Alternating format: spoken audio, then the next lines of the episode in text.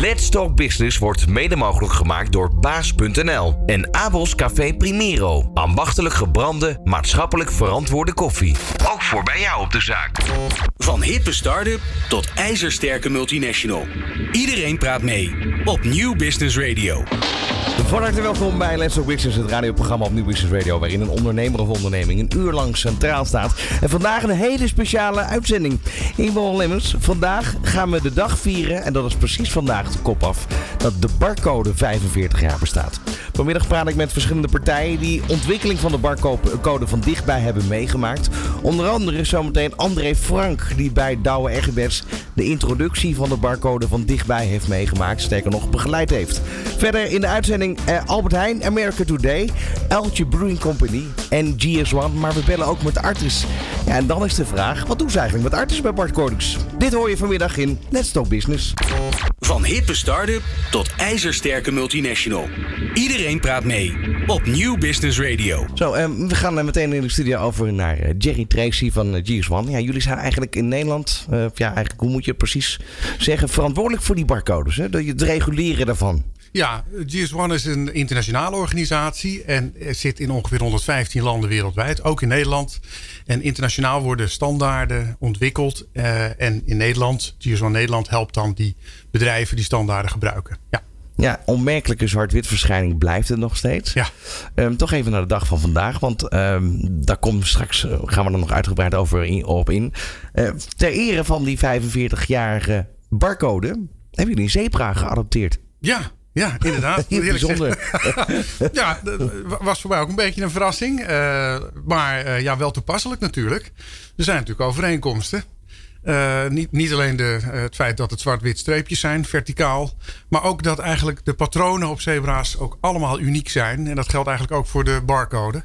Al zou het misschien niet zeggen. Maar En dat is wel dat gold dus ook voor dat pakje kauwgom, hè, waar ooit die alle, allereerste barcode ter wereld op stond. Dat was Amerikaanse vinding Dat was eh, in Amerika. Eh, Al, al jaren was men bezig met het ontwikkelen, hè, bedenken. En alle techniek en patenten die erbij horen om dat eh, zeg maar in orde te krijgen. En precies 45 jaar geleden is in Amerika zo'n eh, zo'n pakje kauwgom voor het eerst eh, over de toonbank gegaan. Dat het eh, werd gescand. Wat nu heel normaal is, maar toen absoluut uniek. Ik kan me nog herinneren, bij, bij de Aldi was dat volgens mij. Toen er nog analoge kassa's waren.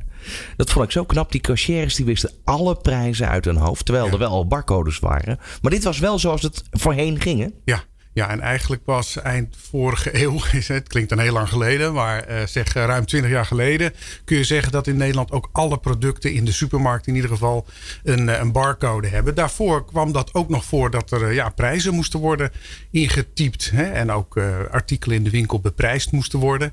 Ja, dat, dat heel knap hoe cashiers dat toen konden, maar natuurlijk niet zo efficiënt eh, en foutengevoelig uiteindelijk. Ja, het komt wel eens voor dat het scannen heel moeilijk gaat. Om een of andere reden. Verpakking is beschadigd, dat soort dingen. Nou, jawel, En dan, dan, eh, moeten, ze- dan moeten ze eh, best wel een aantal cijfers intikken. Ja, waarom, waarom zijn het er zoveel? Ja, dat is nodig omdat er eh, dagelijks eh, ongeveer 5 miljard producten worden gescand wereldwijd. Unieke producten. En om zoveel verschillende combinaties te maken heb je ook gewoon, nou het zijn 13 cijfers, heb je dat ook wel nodig. Gelukkig gaat het bijna altijd goed. Het is echt wel uitzonderlijk eh, dat het niet lukt omdat bijvoorbeeld zo'n barcode niet helemaal goed op de verpakking terecht is gekomen. Of er een kreukeltje in zit of iets anders of misschien een stickertje eroverheen. Ja, en dan is het inderdaad een kwestie van ja, even overtypen die nummertjes die eronder staan. Ja. Ehm, in de introductie in Nederland. Welk, welk bedrijf zou je kunnen zeggen is nou, grotendeels verantwoordelijk geweest voor de introductie van barcode? Nou, meerdere eh, grote eh, Nederlandse bedrijven. Eh, en vooral ook natuurlijk retailers. Niet in de laatste plaats Albert Heijn. Eh, ik denk dat we daar zo nog wat Ja, André. André Schins komt zo meteen ja, in de studio. Armand Schiens is, Armand, is zoals zo. en die, ja. kan, die weet daar natuurlijk alles van. Maar vanuit leveranciers was het natuurlijk ook belangrijk... dat er een aantal grote leveranciers hierachter gingen staan... en meehielpen met de ontwikkeling. En dat was onder andere Douwe Egberts. Ja, en ja, een van die leveranciers heel Douwe Egberts. Aan de telefoon heb ik André Frank van Douwe Egberts. André, goedemiddag. Ja, goedemiddag Ron. André, ehm, jij bent inmiddels eh, gepensioneerd. eh, maar je hebt dat hele moment van dat die barcode op de pak koffie gezet werd... heb jij gewoon meegemaakt. Ja, dat was eh, inmiddels eh 40 jaar geleden. Vandaar ook het feest natuurlijk, 1980. En eh, in die tijd begon uh, Albert Heijn uh, daar interesse voor te krijgen. De oude meneer Albert Heijn die had dat idee meegenomen vanuit de US. Vond dat zeer interessant, wilde dat hier ook invoeren. Maar ehm, ja, alle artikelen in de winkel in het magazijn gaan stickeren. Dat was natuurlijk wel erg bewerkelijk. Dus de grotere fabrikanten, waaronder Douwe Egberts waar ik werkte, werd gevraagd om dat gewoon in de verpakking te gaan meenemen. En ja, dat is makkelijker gevraagd dan gedaan. Want niemand had er verstand van hoe dat, dat moest. Ja, maar ik ben wel benieuwd, wat moest er allemaal voor gebeuren? Nou, punt 1, uh, de verpakkingslayout moest worden aangepast. Dat vonden de, met name de, de marketeers een, een crime, want die zagen daar een stel in hun ogen lelijke strepen verschijnen op, op hun prachtige ontwerpen. En dat wilden ze niet. Dus die wilden hem liefst op een zo rot mogelijke plek uit het zicht hebben. Het moest erop gaan komen, dus ja ehm, drukkers benaderen. Er moesten filmmasters voor besteld worden, die, die specifiek toen, uh, toen nog waren. Dat, dat, was allemaal wat ingewikkelder als nu. En die filmmasters werden geprojecteerd in het bestaande ontwerp. Er moest een, een wit vlak achter liefst. En uh, ja, dan maar afwachten of hij het deed. En dan kwamen er nogal wat problemen bij Albert Heijn voor, dat die dus niet scanbaar bleken te zijn, die, die artikelen. Ja, wat had dat mee te maken dan? dat had ermee te maken dat drukkers uh, hun drukprocedé eigenlijk moesten aanpassen om een zo optimaal mogelijk beeld te krijgen. Die, die, die barcodes die moeten voldoen aan hele nauwe specificaties. De, de, de, streepbreedtes, de, de, de, reflectie tussen voorgrond en achtergrond, dat, dat moet in orde zijn. Als er veel reflectie is, dan ziet de scanner geen verschil tussen achtergrond en baas. En kan hij dus ook niet determineren, determineren wat er staat daar bleek toen al een apparaat, het is meer een machine eigenlijk, de grootte van een ouderwetse typemachine voor te bestaan en die kon die dingen doormeten. Die kostte toen een, nou, een vermogen. Als ik me goed herinner was dat in 1981 dat Douwe Egbert zo'n apparaat heeft aangekocht. Dat heette een lasercheck.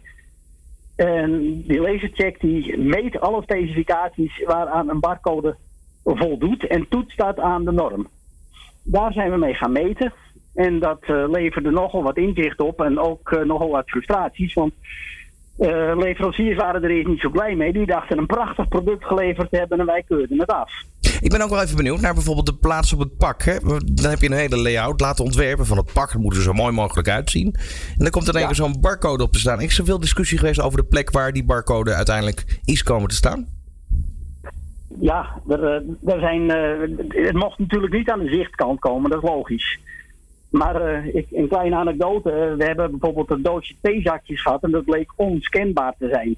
Nou, zoeken, zoeken. Waarom is het ding onscanbaar? En wij waren op die plano-verpakking, dat dus de verpakking zoals die van de drukker afkomt, aan het meten gegaan. Nou, niks aan de hand. Dat ding dat voldeed gewoon. En wat bleek? Er komt zelf om zijn pakje heen en daar zat zo'n trekstripje, een tierstrip heet dat. Er zat daar omheen en dat ging precies over die code heen. En dat vertroebelde dus een van die baars. En dus deed ding niks meer. Hij was onskenbaar. Dus je moet heel goed bekijken van hoe komt die verpakking uiteindelijk in de winkel? Hoe moet die over zo'n scanner heen om naadloos gescand te worden? Precies. Nou, dan had je, in het begin had je ook nog in de winkel zelf dat die scanners veel minder, uh, ja, laat ik het noemen, agressief waren dan nu. Nu zie je vaak dat er en verticaal en horizontaal een scanner zit.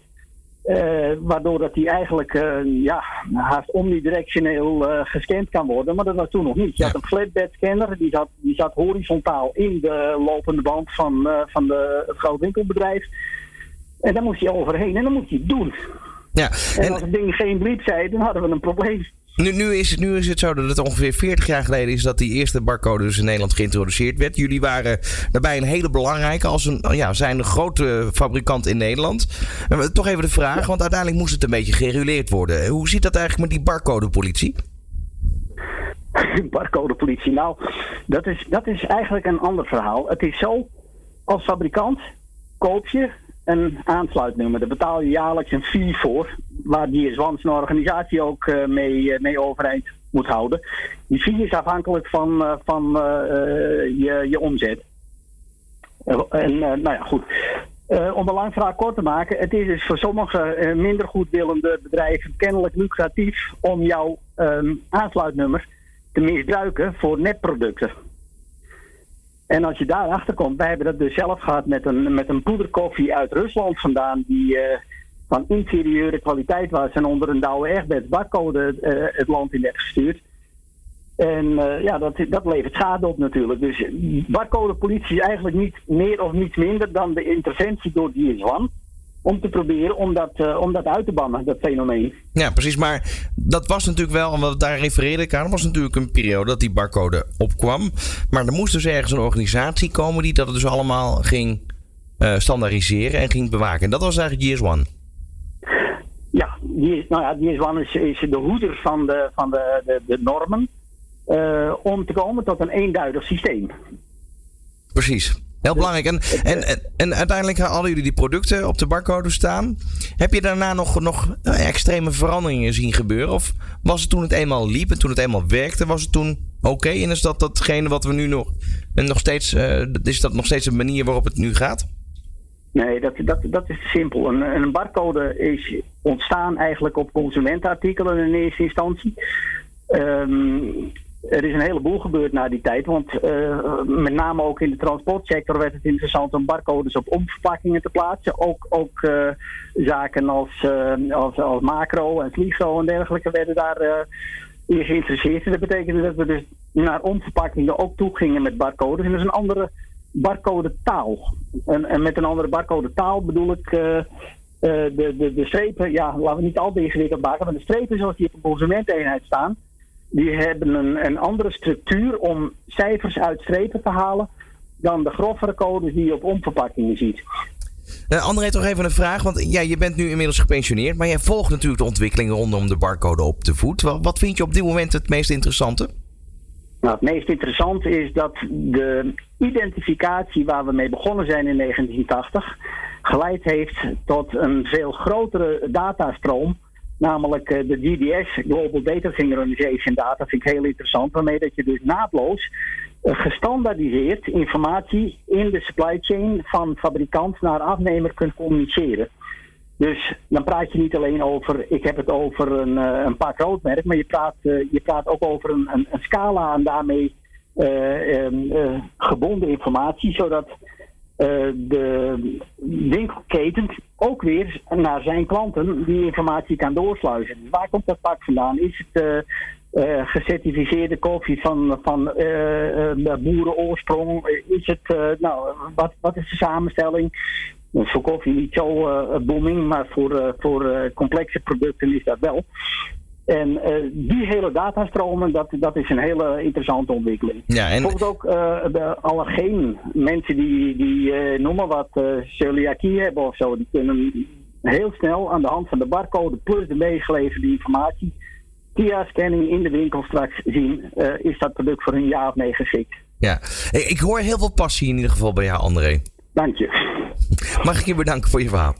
Dat mag, maar dat hoeft niet, want ik vind het erg leuk om, uh, om gedaan te hebben. En ik, uh, ik hoop dat het uh, nou, geslaagd wordt.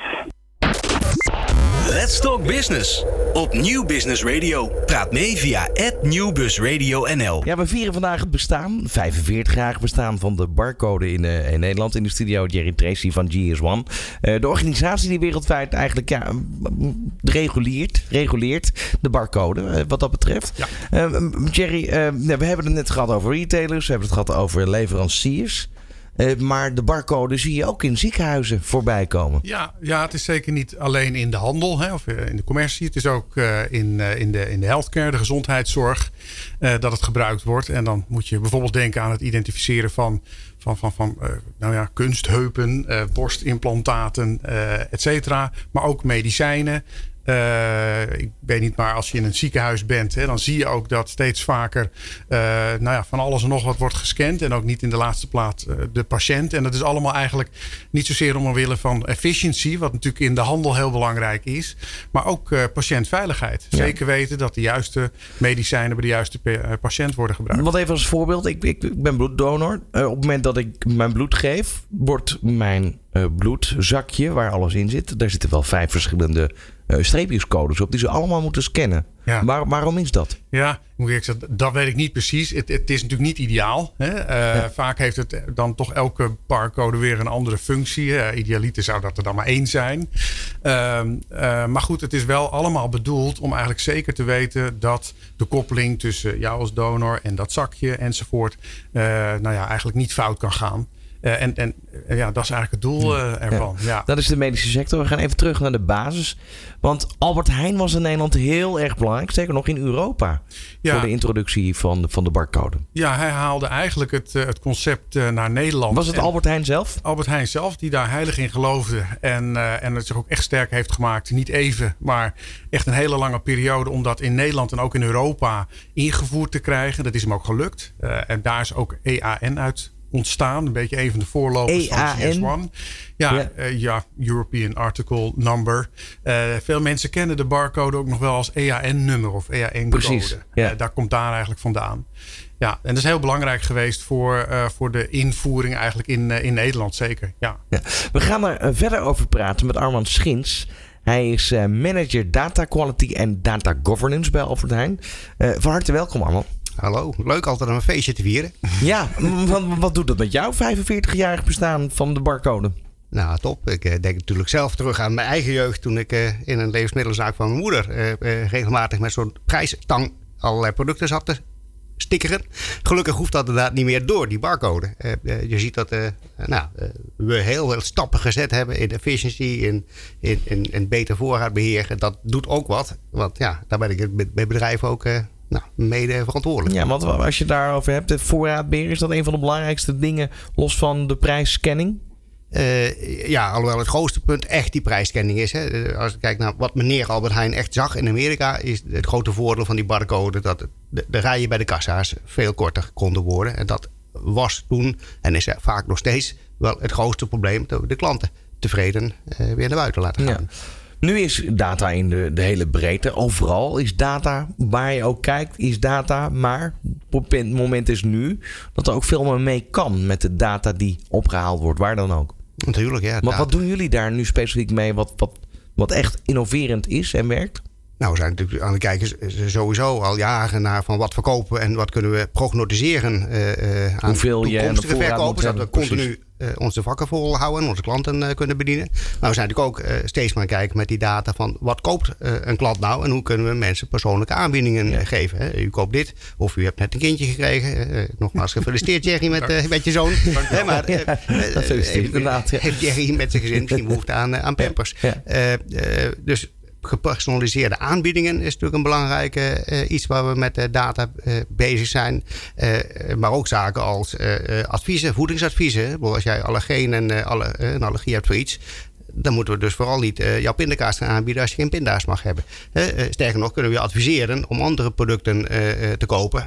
Die wel goed voor je zijn, minder suiker ja. hebben, minder zout, dat soort zaken. Dus eigenlijk kun je heel makkelijk met één druk op de knop op zien of er een babybooming aan de gang is in een dorp of niet. Ja, ik weet niet of Jerry er dan voor verantwoordelijk is, maar ja, we kunnen dat inderdaad zien. We. Ja. Klopt. Ja, eh, wat natuurlijk um, een volgende stap is, een aantal jaar geleden, is dat we nu zelf kunnen scannen als klant binnen de supermarkt. Ja, en dat was wat, wat heeft dat voor jullie gebracht? Nou ja, ten eerste weer efficiëntievoordeel natuurlijk, dus minder kosten. En ja, die kosten kunnen we dan weer teruggeven aan de klant door minder hoge prijzen te vragen voor onze artikelen. En dat geeft de klant hopelijk weer meer reden om bij Albert Heijn uh, te kopen. Uh, een efficiënt verkoopproces, die kassa rijden noemde ik al, maar gewoon veel meer zelf de invloed op hebben. betekent dat klanten ja, een prettige winkelervaring hebben.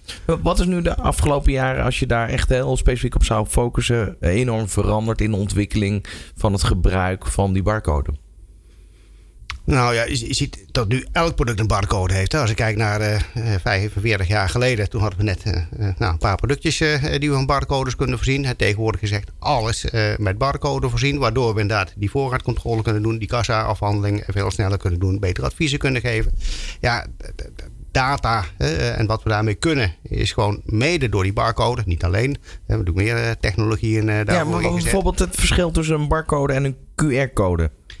Ja, nou, QR-code is iets wat klanten kennen. Hè. Je scant een QR-code op sommige producten en je gaat naar een of andere website uh, toe. Ja, dat, dat, dat is maar, maar is, is, dat nog, is dat nog iets wat, wat in de toekomst elkaar kan verstevigen of versterken? Uh, ja, maar ik zie eerder nog toekomstmogelijkheden richting uh, of het RFID gebeuren. Hè. Kijk naar de, de, de, de, elektronische tags, waarmee je op afstand zeg maar, eigenlijk een product al kunt scannen. Dat je niet per se zeg maar, die barcode hoeft te mhm. zien, maar uh, je daarmee wat makkelijker voorraadbeheer kunnen doen. Maar uiteindelijk denk ik dat ook de barcode een keer gaat overlijden. En dan zitten we meer te denken aan de technologieën als uh, voor, uh, image recognition. waarbij je gewoon een product herkent hoe het eruit ziet. Zoals je als mens ook een product herkent zoals het eruit ziet. dus is dat een toegevoegde waarde uh, uh, die de barcode dan uiteindelijk gaat verdwijnen? Ja, ik denk uiteindelijk wel. Dat gaat nog misschien wel 45 jaar Maar goed, we, we, we, nog niet zeggen. We hebben het vandaag over... Aan het ja, precies. Ja, dus... 45 jaar bestaan van, van de barcode. nu, nu zijn we in Nederland zijn we allemaal wat duurzaam, wat bewuster bezig met, met waar komen de producten vandaan die ik koop. Ja. Um, wat kunnen we straks nog meer gaan zien? Nou, we kunnen inderdaad zien, en dat doen we al. Kijk naar onze sinaasappelsappen uh, van Albert Heijn huismerk of naar onze eigen. Uh, daar kun je dus zien waar dat product vandaan komt, waar jouw eieren vandaan komt, hoeveel zeg maar voeding die gehad heeft, welke boer, hoe welke certificaten die gehad heeft, die boer, zodat je inderdaad vertrouwen krijgt in dat ei, dat dat op een gezonde, goede, verantwoorde manier zeg maar, uiteindelijk tot jou is gekomen. Ook daar helpt de barcode uh, weer bij, omdat dat de link is door de hele keten heen. Wederom, uiteindelijk zijn er ook andere mogelijkheden die uh, gaan komen. Maar vandaag de dag is dat wel een belangrijke uh, toegevoegde waarde die de barcode ook heeft, door die hele keten heen. En als je dan iets wat wij misschien nu niet weten, omdat het bij jullie al lang op de achtergrond speelt, maar wat wel in ontwikkeling is. Is er iets waar, waar je nu zegt van nou, klant van Albert Heijn, let hierop, want dit gaat komen? Ja, maar dan kijkt ook onze concurrent mee. En dat willen we even liever nog niet vertellen. Maar, maar, goed, ja, eh, maar, maar, stel je, je gaat bijvoorbeeld... De, want ik heb daar een verhaal over gehoord. Je gaat uh, verse producten ga je prijzen aan de hand van... Uh, hoe vers ze nog zijn. Ja, dat mag ik vertellen, want dat hebben we inderdaad uh, Precies, ook kenbaar gemaakt. Maar inderdaad, maar, maar hoe werkt dat? Kan je daar wat over vertellen? Ja hoor, dus uh, we weten uh, van elk product hoeveel voorraad we in uh, elke winkel hebben. We weten ook wat we verwachten aan toekomstige verkopen. en aan de hand daarvan kijken we dus wanneer verwachten we tot dit product zeg maar uitloopt. Wanneer het over code gaat. en daarmee kunnen we dus inderdaad verschillend gaan afprijzen. Je krijgt 10% korting, je krijgt 30% korting of hoeveel ook meer. Omdat daarmee je de klanten trekt om een product te gaan kopen dat over code dreigt te gaan. Dan uh, is dat daarmee ook weer toegevoegde waarde. Want en uh, we zijn duurzamer naar de uh, omgeving toe. maar ook als klant heb je daar voordeel even. Je krijgt getrapt Precies. zeg maar, wat korting. En voor ons is het voordeel dat we minder hoeven weg te gooien. Minder ook richting de voedselbanken hoeven te doen. Dat is dan misschien weer wat minder goed. Want die voedselbanken hebben natuurlijk ook een producten nodig. Maar toch, onderaan de streep doen we hopelijk iedereen er een pleziertje mee. Wat vind je het leukste op het moment dat je naar je werk gaat s ochtends? Nou, juist dat we met die data ook uh, de klanten uh, kunnen bedienen. En ik ben natuurlijk zelf ook een klant. We zijn allemaal uh, mensen hier, ook in deze ruimte. En als je natuurlijk met die data mensen kunt bedienen, dan is het natuurlijk veel leuker dan data bytes door een of ander systeem heen te lozen. Dank voor je Dat maakt het leuk. Ja, dank voor je wel. Arman Schins van Albert Heijn. Let's Talk Business. Op Nieuw Business Radio. Praat mee via @nieuwbusradio_nl. Ja, het is eh, vandaag een eh, feestelijke dag. 45-jarige bestaan van de barcode in de studio. Jerry Trexie van eh, G1. Bedrijf wereldwijd verantwoordelijk voor die barcodes. Um, toch eventjes in het dagelijkse bestaan van, van GS1. Wat, wat is nu jullie uh, ja, grootste, grootste onderneming? Wat, wat doen jullie nu het meeste? Ja, nou kijk, e- eigenlijk is de, is de barcode één van de standaarden, datastandaarden die GSPAN heeft ontwikkeld en die ook worden gebruikt. Uh, daar hebben we eigenlijk op dit moment misschien nog niet eens het meeste werk aan. Uh, maar het is wel de basis voor andere toepassingen. Hè? Dus er zijn ook standaarden voor elektronisch berichtenverkeer, facturen, orders en dergelijke die bedrijven uitwisselen. Maar bijvoorbeeld ook databanken die allerlei gegevens met elkaar kunnen uitwisselen. Eigenlijk de sleutel is altijd die barcode. Dus in die zin is die wel heel erg belangrijk. In Nederland zijn er ongeveer 20.000 eh, bedrijven die uh, bij ons zijn aangesloten. En die dus met name ook dan die barcodes gebruiken. Hè, want dat is wel de, de basis. En wereldwijd? Wereldwijd zijn het er, ik geloof iets rond een miljoen. Ja, rond een miljoen bedrijven die, uh, die bij een van de GS1-organisaties zijn aangesloten. Ja. Um, en dan komen we eigenlijk op het verhaal, uh, wat, wat wel bijzonder is. Je ontwikkelt een product.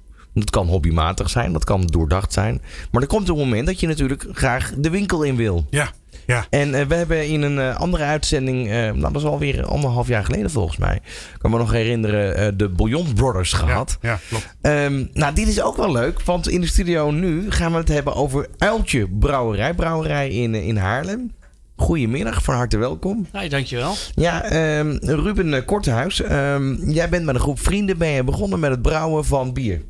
Ja, nou, kan bij... hem wel even openmaken vast voor het idee dat. Wel een leuke anekdote trouwens, want wij zien, uh, wij zien het brouwen van bier eigenlijk meer als een soort van. Um, uh, het op, uh, op het vuur zetten van een grote pot met, met soep. Ik en we maken daar mooie soep van. ik, ik zie ook een afbeelding inderdaad op een blikje staan. Is, is dat dus doordacht ook? Ja, dat is zeker allemaal doordacht. Uh, wat jij nu voor je neus hebt staan is de Bird of Prey. Dat is zeg maar onze, onze grote held. Ons vlaggenschip IPA. En uh, daarmee zijn we de wereld aan het veroveren.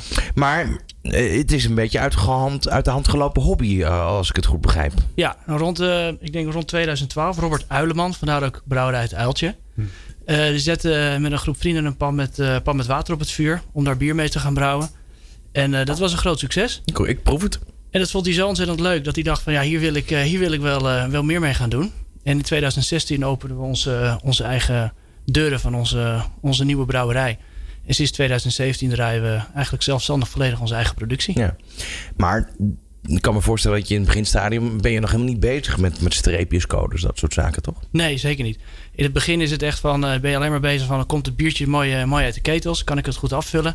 En dan stop je het achter in je auto. En je probeert het zelf, zeg maar, uh, bij iedereen langs te brengen. Sluiters, retailers, distributeurs. Maar toen was het al geen hobby meer, toch? Toen, nee, ja, toen, dan ben, je bent eigenlijk gewoon je bedrijf aan het bouwen. Dus je bent ja, maar dat, maar dat komt een moment dat je tegen elkaar ja. zegt van... hé, hey, dit is zo succesvol, nu moeten we doorpakken. Ja, ik merkte dat toen ik aankwam bij de grotere klanten, had ik eigenlijk het grote probleem dat ik de taal zeg maar, van de grotere klanten niet kon spreken. En dat waren eigenlijk gewoon de logistieke systemen die niet op elkaar waren aangesloten. En uh, de barcode bleek dus de oplossing. Want dat, dat maakte eigenlijk dat ik met alle andere systemen over de hele wereld kon praten. En voor mij geldt zonder barcode ja, geen omzet. Dan kijk ik naar dit blikje. En dan zie ik een heel mooi vormgegeven blikje. En met nou allerlei. Ja, het is, het is net een stripverhaal als ik het zo ja. moet omschrijven. Ja, dat is onze stijl. Ja, toch? Ja. Maar dan staat er zo'n barcode in één keer tussen.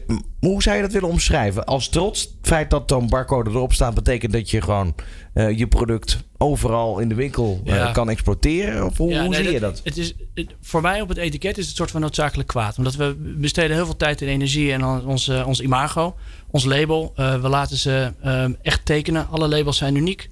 En dan vervolgens um, kom je op het laatste moment en moet je een aantal verplichte zaken op je etiket vermelden. Waaronder dus eigenlijk een barcode. En maar je kan het dus ook zien als een stuk trots. Uh, in de zin van het is zo succesvol dat je wel moet. Ja, in, die, ja, in feite wel. Op het moment dat je een barcode op je product hebt, betekent dat je gewoon meedoet met de rest van de wereld. Precies. Dat klopt als een bus. Ja. De rest van de wereld, eh, waar is je biertje te koop dan? Uh, vanuit ja, Nederland ben jou hier om de hoek in Hilversum tot aan uh, Shanghai, Tokio, uh, Canada, Amerika, UK. We exporteren ongeveer 40% van ons volume naar het buitenland. Ongelooflijk. Ja. ja.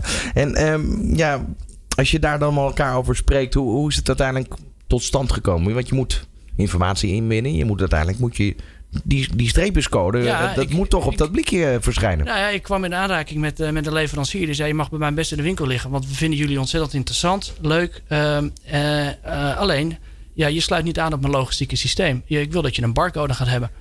En ik was zo naïef dat ik eerst zeg maar naar Word ging en kijken of je in barcode kon typen.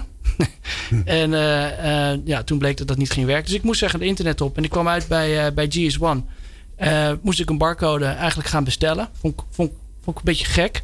Dus accountje aangemaakt. En vervolgens kreeg ik mijn eerste 10 barcodes binnen. Super trots. doorgegeven aan, aan mijn vormgever. Dat kwam netjes op, op de flesjes terecht.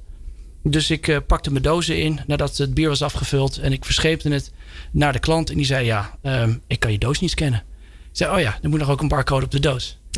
Ja. ja, ja. En is het zo dat die barcode die nu op dit blikje staat, dat ze die in Shanghai dus ook kunnen uitlezen? Of ja. is dat weer een andere barcode? Nee, het is gewoon exact dezelfde barcode. Het is gewoon uh, een soort van one size fits all. is, is dat de kracht eigenlijk van de barcode? Dat het dat, echt wereldwijd communiceert? Ja, want voor, voor nou, fabrikanten betekent het dat je in wezen één barcode hè, op het product en niet elk land weer iets anders of een ander nummer.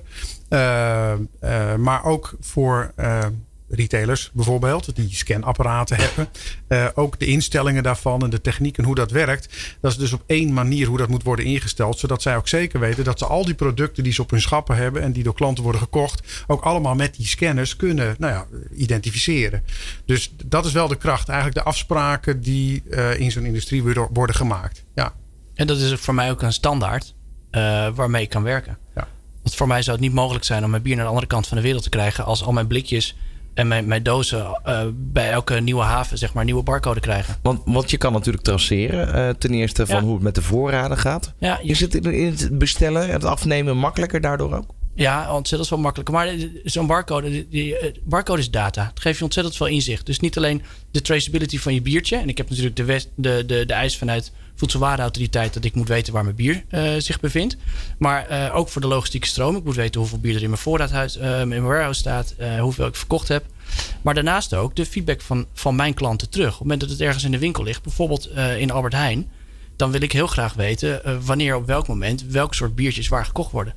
En dat kunnen ze mij ook weer en, en, is dat iets wat al heel lang kan? Of is dat eigenlijk iets van de laatste jaren dat je die informatie al kan opvragen? Nou, ik moet zeggen, dat ligt ook met als je zelf uh, gaat groeien als bedrijf, dan ga je op een gegeven moment behoefte krijgen aan die, aan die informatie, ja. aan die data. Je wil het gedrag kunnen monitoren. Ja, want Precies. ik wil nog specifieker kunnen inspelen op, uh, op, uh, op de wensen van, van mezelf of de klant. Dus waarschijnlijk had je de dag als gisteren, had je een hele drukke dag. ja. Zo warm weer. Hè? Ja, ik had ontzettend mooie drukke dagen. Onze mooie biertjes gingen echt overal over de toonbank. Geweldig. Mag ik je danken voor je verhaal? Ja, dankjewel. Van hippe start-up tot ijzersterke multinational.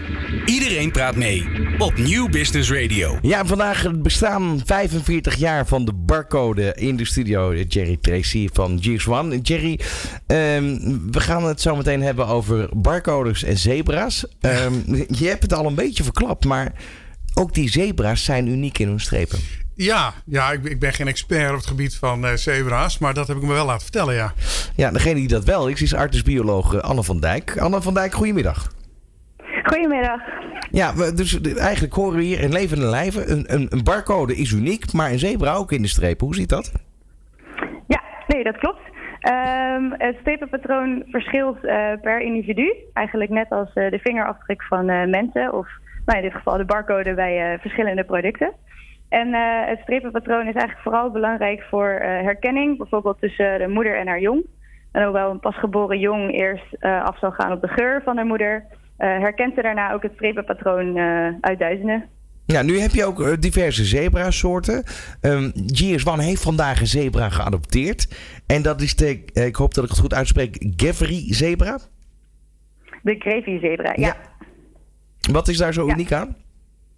Uh, nou, de Grevi-zebra is een van de meest bedreigde zebrasoorten uh, ter wereld. Ze leven in, uh, in, Kenia en Ethiopië. En in de afgelopen 30 jaar is de populatie gedaald met bijna 70 procent. Dus we zijn van 20.000 naar bijna nog maar 2.000 dieren gegaan in het wild. Mm -hmm. en met de adoptie van de Grevi-zebra door GSE Nederland... kan Artis onder andere bijdragen aan het Europese fokprogramma van deze soort... Uh, wat dus ontzettend belangrijk is gezien hun uh, status. En eh, waarom, waarom heeft een zebra eigenlijk strepen? Gewoon, dat is even de basisvraag. waar, waar dient dat nou, voor? Er zijn verschillende uh, theorieën over. Um, de enige die tot nu toe um, echt wetenschappelijk bewezen is, is dat strepen ervoor zorgen dat zebra's minder last hebben van vliegen. Uh, waaronder de CT-vlieg en de paardenvliegen, uh, die ontzettend veel ziektes met zich mee uh, kunnen brengen. En het onderzoek is pas begin dit jaar gepubliceerd. Um, en daaruit is eigenlijk gekomen dat er nog steeds wel vliegen om een zebra heen vliegen. Maar dat ehm, ze eigenlijk geen gecontroleerde landing meer kunnen maken op die zebra. Oh, dus ik moet eigenlijk ook strepen aannemen als ik in het bos loop? Sorry? Ik moet eigenlijk ook strepen op mijn armen schilderen als ik in het bos loop? Ja, nou, ze hebben dit dus onder andere getest door uh, paarden verschillende dekens om te doen. En uh, paarden die een effenkleur deken hadden, uh, daar kwamen de zebra's wel op. en paarden met een, zogeheten zebradeken dus, daar landen de vliegen niet van op de rug. En als ze niet landen, kunnen ze ook niet, niet prikken. Bijzonder zeg. Hoeveel, hoeveel zebrasoorten zijn er eigenlijk? Nou, er zijn in totaal drie zebrasoorten. Je hebt de, de steppenzebra, de bergzebra en de grevyzebra. Ehm, en ook die soorten hebben weer allemaal eigenlijk een, een uniek uh, strepenpatroon. Uh, zo heet de steppenzebra uh, strepen die eigenlijk helemaal tot onderaan de buik doorlopen. en zij hebben eigenlijk vaak een soort bruinachtige schaduwstreep. Dus een extra streep tussen twee zwarte strepen in. de bergzebra die is vooral goed te herkennen aan het feit dat ze drie of vier wat dikke horizontale strepen op hun billen hebben lopen. En de Grevyzebra, die wij hier in Artistus hebben, um, is de grootste van de zebra's, maar heeft de dunste strepen. Uh, en die strepen die stoppen halverwege uh, de buik. Ja, dan de belangrijkste vraag. Als ik uh, nou morgen in Artis loop, hoe kan ik ehm, de, zebra herkennen die GS1 heeft geadopteerd? ja, dat is erg ingewikkelder. Voor mensen zullen alle zebra's toch wel behoorlijk uh, op elkaar lijken. Maar onze dierverzorgers uh, kunnen ze wel allemaal individueel herkennen. Dus ik zou zeggen, uh, spreek de dierverzorger aan en die wijst je er zo aan. Dat ga ik binnenkort zeker doen, want ja, ik heb een, een jaarabonnement. Dus ik, ik kom regelmatig bij jullie. Dus ik ben heel benieuwd. Dankjewel. Ja, hartstikke leuk. Dankjewel. Ja, mooi verhaal, uh, Jerry, wat dat betreft. Ja. over hoe eigenlijk. Zou dat idee ooit misschien wel daardoor uh, gekoppeld zijn aan die barcode? Dat ze hebben gekeken, want dat gebeurt natuurlijk heel vaak. Innovaties komen toch weer vanuit de natuur ergens. Ja, geen idee. Ik weet wel dat er heel veel ideeën waren toen. Ook verschillende symbolen en technieken uh, die gebruikt hadden kunnen worden. Uh, en hele nou ja, boeken zijn erover geschreven waarom het dan uiteindelijk de barcode is geworden. Maar het is wel heel succesvol gebleken. Dat, uh, dat is in ieder geval zo. Uh, maar ja, dit, dit, dit past natuurlijk hartstikke goed. Uh, ja, mooi verhaal. Ja, we gaan toch even naar de toekomst van de barcode. Daar zijn ontwikkelingen rondom uh, die barcode. Een bedrijf wat daar heel veel mee bezig is, is America Today. Charlotte Den Heijer, van harte welkom in de studio. Hoi. Um, ja, wat zijn jullie aan het doen eigenlijk met barcodes? Um, nou ja, wij gaan dus een stapje verder dan de barcode. Wij zijn begonnen met RFID. En dat, ja, dat staat voor Radio Frequency Identification. En dat is eigenlijk um, een chipje. En daarin staat alle artikelinformatie die normaal gesproken ook met een barcode uit te lezen is. Uh, dus artikelkleur, naam, ja, de prijs, allerlei data. En je kan dus ook met een chipje meer data opslaan dan uh, normaal op een barcode uh, op te slaan is. En um, wat hebben wij als klanten daar? Goeie vraag. Um, nou, als klant weet ik het eigenlijk zo net nog niet. Uh, misschien wel dat je sneller klaar bent bij de kassa. Omdat de barcodes, die moet je echt scannen bij de kassa. En een chipje is, uh, ja, zonder zicht is dat uit te lezen. Dus uh, de rijen bij de kassa's, die worden uiteindelijk minder. maar verder hebben wij er op kantoor gewoon heel veel aan. Want er komt heel veel data beschikbaar door de RFID-chips. Kan je bijvoorbeeld in de toekomst ook zien hoe vaak een kledingstuk gepast wordt? Ja, dat bestaat al. Dat is paskamerconversie. Je kan dan een uh, antenne ophangen bij de paskamer. En dan zie je precies hoe vaak iets gepast wordt. Maar dat het misschien niet zo vaak gekocht wordt. Dus dan kunnen we op kantoor zien, ja, dit, er is misschien iets mis met de fit. Of ja, we moeten even kijken wat daarmee aan de hand is. Ja, en, en tot, tot hoe ver gaan jullie daarmee in de toekomst? Hoe zie je dat? Ja, wij hebben veel toekomstbeelden. Nou, het eerste doel voor ons was nu om de voorraad betrouwbaarheid eigenlijk ehm, omhoog te krijgen. Naar 98 procent. Dus dat was het eerste doel. Daar zijn we ook nu nog mee bezig. We zijn nu net uh, live met ongeveer 10 winkels en we hebben in totaal 70 winkels. Um, dus we zijn de hele zomer nog bezig om alle winkels uh, RFID ready te krijgen. En, en is het dan dat ieder product krijgt dus een, een chip ja. uh, opgeplakt? Of hoe werkt dat? Ja, wij hebben ervoor gekozen om de RFID-chip in een sticker te doen. Uh, omdat het voor ons gewoon het makkelijkste ja, te realiseren was. Um, maar je kan het ook in bijvoorbeeld de alarmtag doen. Of je kan het in het Bosch Care label doen. Dus er zijn ja, verschillende manieren om het, uh, de chip ergens in te doen. Ja, en, en hoe, hoe ben jij er zelf bij betrokken? Uh, nou ja, ik en nog, nog een paar collega's die doen het project. We doen het project samen met NEDOP en met GS1. Um, ehm, en ja, we zijn gewoon een clubje en uh, wij zijn dat project aan het leiden bij Merk Today. Ja, en wat dat betreft straks veel meer producten afgestemd op de klanten die er komen. Ja, dat is wel de bedoeling. Ja, uiteindelijk uh, hopen we dat we zoveel data beschikbaar hebben dat we daar goede analyse op kunnen doen en uh, daardoor ook de inkoop beter kunnen doen. Ja, uh, Jerry, als we het hebben over de, de ja, diverse barcodes of, of verschijningsvormen die eraan gaan komen. Even naar de toekomst gekeken. We hebben de QR-code straks al eventjes besproken. Wat gaat er nog meer komen na, na deze RFID? Ja, nou ja, Arva die eh, heeft nog best een hele lange weg te gaan hoor. Voordat uh, alle bedrijven zo ver zijn als, uh, als American Today.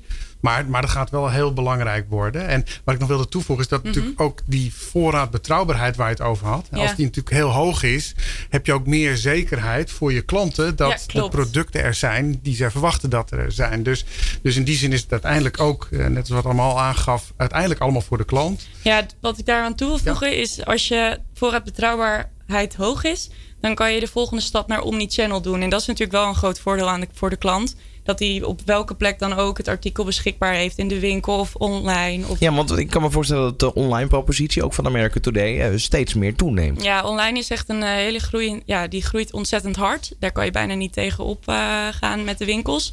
Dus het is zeker belangrijk om de voorraad van de winkels te betrekken bij de online.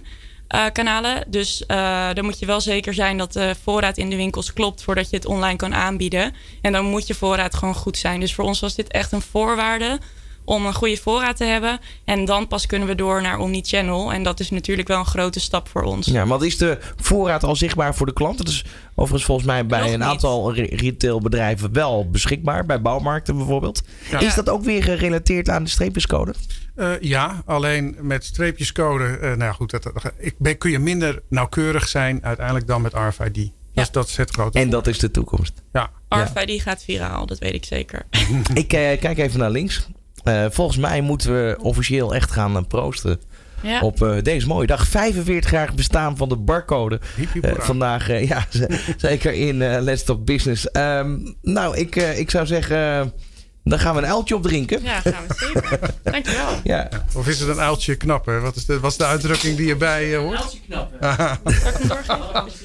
dat is achteraf, hè? Mag ik jullie allemaal hartelijk danken voor de komst naar de studio. Wij gaan uh, proosten en uh, nou, we gaan het allemaal zien. Volgens mij komen er een hele leuke tijden aan met heel veel mogelijkheden rond de barcode. Jerry, dankjewel voor de komst naar de studio. En uh, voor jou, Charlotte, ook dankjewel. Ja, super. Tot zover deze Let's Talk Business. Wil je hem terugluisteren? Kan dat straks via onze website nieuwbusinessradio.nl. Tot de volgende keer. Van hippe start-up tot ijzersterke multinational. Iedereen praat mee op Nieuw Business Radio.